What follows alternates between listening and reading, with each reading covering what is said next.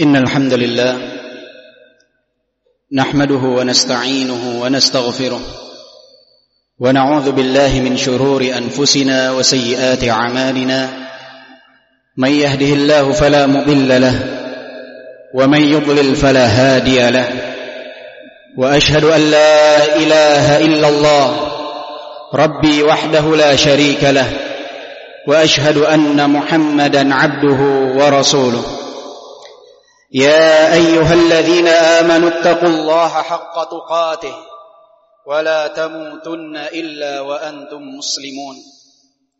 يا أيها الناس اتقوا ربكم الذي خلقكم من نفس واحدة وخلق منها زوجها وبث منهما رجالا كثيرا ونساء واتقوا الله الذي تساءلون به والأرحام إن الله كان عليكم رقيبا. يا أيها الذين آمنوا اتقوا الله وقولوا قولا سديدا. يصلح لكم أعمالكم ويغفر لكم ذنوبكم ومن يطع الله ورسوله فقد فاز فوزا عظيما. اعلموا فإن أصدق الحديث كتاب الله وخير الهدي هدي محمد صلى الله عليه وسلم وشر الأمور محدثاتها وكل محدثة بدعة وكل بدعة ضلالة وكل ضلالة في النار أما بعد Jamaah Jumat yang dimuliakan oleh Allah Subhanahu wa taala. Allah Subhanahu wa taala berfirman di dalam surat An-Nahl ayat ke-18. Wa in ta'uddu ni'matallahi la tuhsuha. Jika kalian hendak menghitung nikmat-nikmat yang Allah karuniakan kepada kalian, sungguh kalian tidak akan pernah sanggup untuk menghitungnya. Begitu banyak nikmat yang Allah Subhanahu wa taala karuniakan kepada kita. Nikmat iman, nikmat Islam, nikmat kehidupan, nikmat diberikannya kita kemampuan untuk bernafas, untuk hidup. Semua adalah nikmat yang patut untuk kita syukuri. Balillaha fa'bud wa kum minasyakirin. Oleh sebab itu, sembahlah Allah Subhanahu wa taala dan jadilah kalian orang-orang yang bersyukur kepada Allah Subhanahu wa taala. Fadhkuruni adhkurkum washkuru li wala takfurun. Ingatlah aku kata Allah, niscaya aku akan mengingatmu dan bersyukurlah kepadaku. Janganlah kalian menjadi orang-orang yang kufur terhadapku. Sangat istimewanya sifat syukur ini ahibati fillah. Sehingga di antara asma dan sifat Allah Subhanahu wa taala adalah Asy-Syakir dan Asy-Syakur. Allah Subhanahu wa taala berfirman, "Innallaha ghafurun syakur." Sesungguhnya Allah Subhanahu wa taala zat yang Maha Pengampun dan Allah Subhanahu wa taala adalah zat yang Maha mensyukuri. Para ulama mengatakan, ketika seorang hamba melakukan amalan yang sedikit, Allah Subhanahu wa taala akan melipat gandakan pahala. Inilah makna Allah Subhanahu wa taala zat yang Maha mensyukuri. Dan sangat istimewanya sifat syukur ini. Sehingga Allah subhanahu wa ta'ala memuji para nabi di dalam Al-Quran. Atas sifat syukur yang mereka miliki. Di antaranya Allah subhanahu wa ta'ala mengatakan di dalam Al-Quran.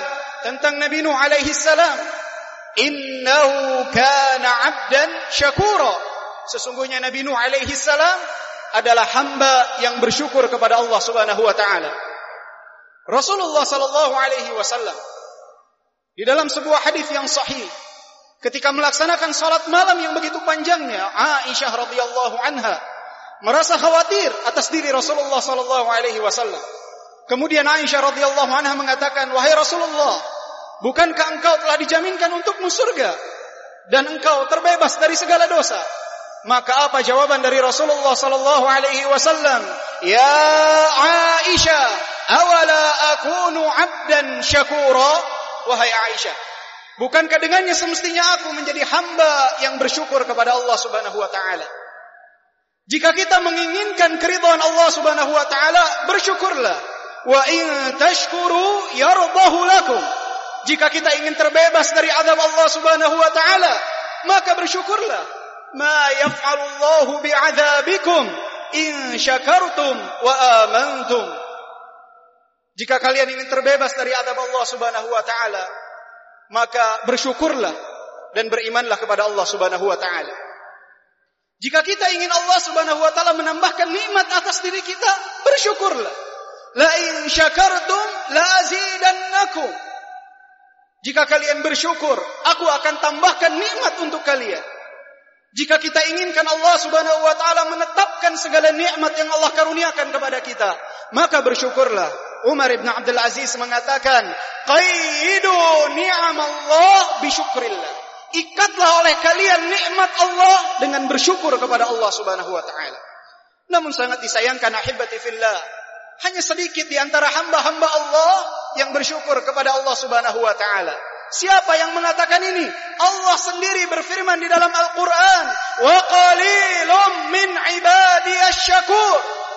Hanya sedikit hambaku yang bersyukur kepadaku kata Allah Subhanahu wa taala. Banyak di antara kita yang terlalu menghitung atas musibah-musibah kecil yang menimpa kita. Menghitung ujian-ujian kecil yang menimpa kita. Dan melupakan begitu banyaknya nikmat yang Allah karuniakan kepada kita. Allah subhanahu wa ta'ala berfirman. Innal insana li rabbihi lakanud. Sesungguhnya manusia itu memiliki sifat kanud kepada Allah subhanahu wa ta'ala. Ibnu Abbas radhiyallahu anhu mengatakan. Al-kanud. Alladhi ya'uddul masaib wa yansa ni'ama rabbi. Orang yang memiliki sifat kanud adalah orang yang selalu menghitung musibah-musibah yang menimpanya dan dia melupakan begitu banyak nikmat yang Allah Subhanahu wa taala karuniakan kepadanya. Qultu ma sami'tum alhamdulillahirabbil alamin.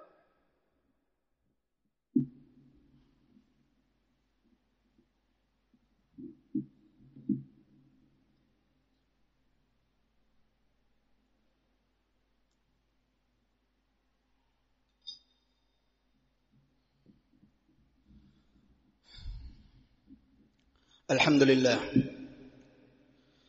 الحمد لله والصلاة والسلام على رسول الله وعلى آله وصحبه ومن والاه أما بعد Jamaah Jumat yang dimuliakan oleh Allah Subhanahu wa taala. Pada khutbah yang pertama, kita sama-sama telah mendengar tentang keutamaan bersyukur kepada Allah Subhanahu wa taala.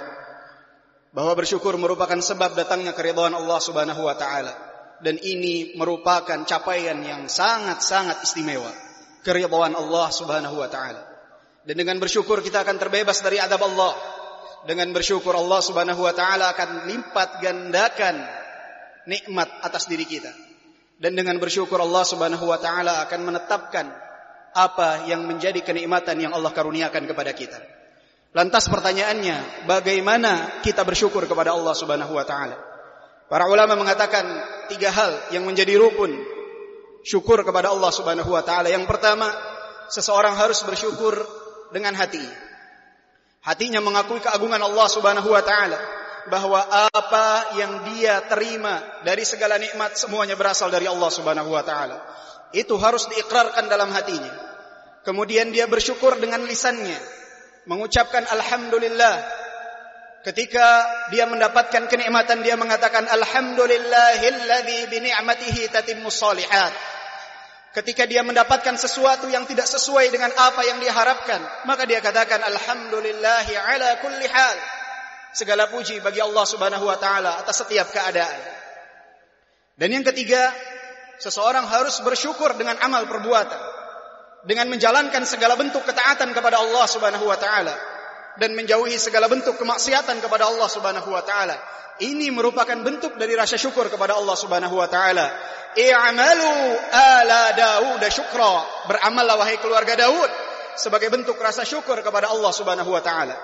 Dengan kita melaksanakan solat wajib berjamaah itu merupakan bentuk rasa syukur kita kepada Allah Subhanahu wa taala. Solat-solat sunnah yang kita dirikan itu merupakan bentuk rasa syukur kepada Allah Subhanahu wa taala.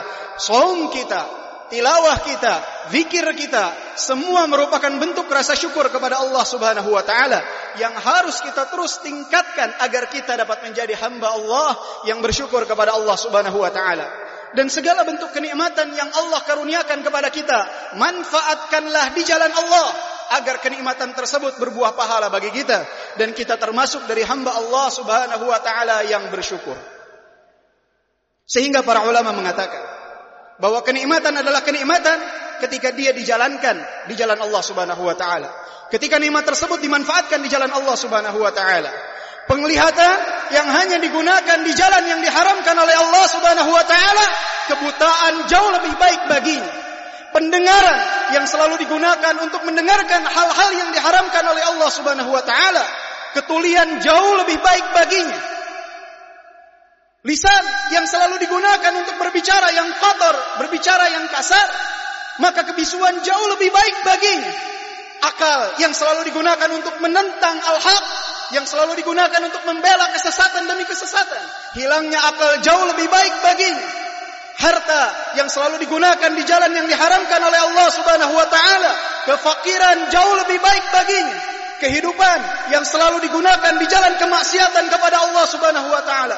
Demi Allah, keberadaannya di dalam tanah jauh lebih mulia daripada keberadaannya di atas tanah segala kenikmatan jika kita ingin sebut itu sebagai kenikmatan maka manfaatkanlah di jalan Allah agar kita dapat menjadi hamba yang bersyukur agar Allah Subhanahu wa taala tetapkan nikmat tersebut atas diri kita ingatlah perkataan Umar bin Abdul Aziz Qaidu ni'am Allah Bishukrillah Ikatlah oleh kalian nikmat Allah Dengan bersyukur kepada Allah subhanahu wa ta'ala Hati, lisan dan amalan perbuatan kita Allahumma inna nas'alukal huda wat tuqa wal afafa wal ghina. Allahumma inna nas'alukal huda wat tuqa wal afafa wal ghina. إن الله وملائكته يصلون على النبي. يا أيها الذين آمنوا صلوا عليه وسلموا تسليما. اللهم صل على محمد وعلى آل محمد كما صليت على إبراهيم وعلى آل إبراهيم. إنك حميد مجيد. اللهم بارك على محمد وعلى آل محمد كما باركت على إبراهيم وعلى آل إبراهيم. إنك حميد مجيد. اللهم ارض عن خلفاء الراشدين أبي بكر الصديق وعمر الفاروق وعثمان ذي النورين وأبي الحسنين علي. وارض اللهم عن صحابة أجمعين وعن التابعين ومن تبعهم بإحسان إلى يوم الدين. وعنا معهم بعفك وكرمك يا أكرم الأكرمين. اللهم انصر إخواننا المستضعفين والمجاهدين في كل مكان. اللهم انصر الحق وأهله يا رب العالمين. اللهم سدد رميهم وثبت أقدامهم. اللهم انصرهم على عدوك وعدوهم. اللهم ارفع عنا هذا الوباء والبلاء والغلاء والزلازل والفتن. اللهم ارفع عنا هذا الوباء والبلاء والغلاء والزلازل والفتن. اللهم ارفع عنا هذا الوباء والبلاء والغلاء والزلازل والفتن. والحمد لله رب العالمين. أقيم الصلاة. الله أكبر. أشهد أن لا إله إلا الله. أشهد أن محمد رسول الله. حي على الصلاة حي على الفلاح. قد قامت الصلاة قد قامت الصلاة. الله أكبر الله أكبر. لا إله إلا الله.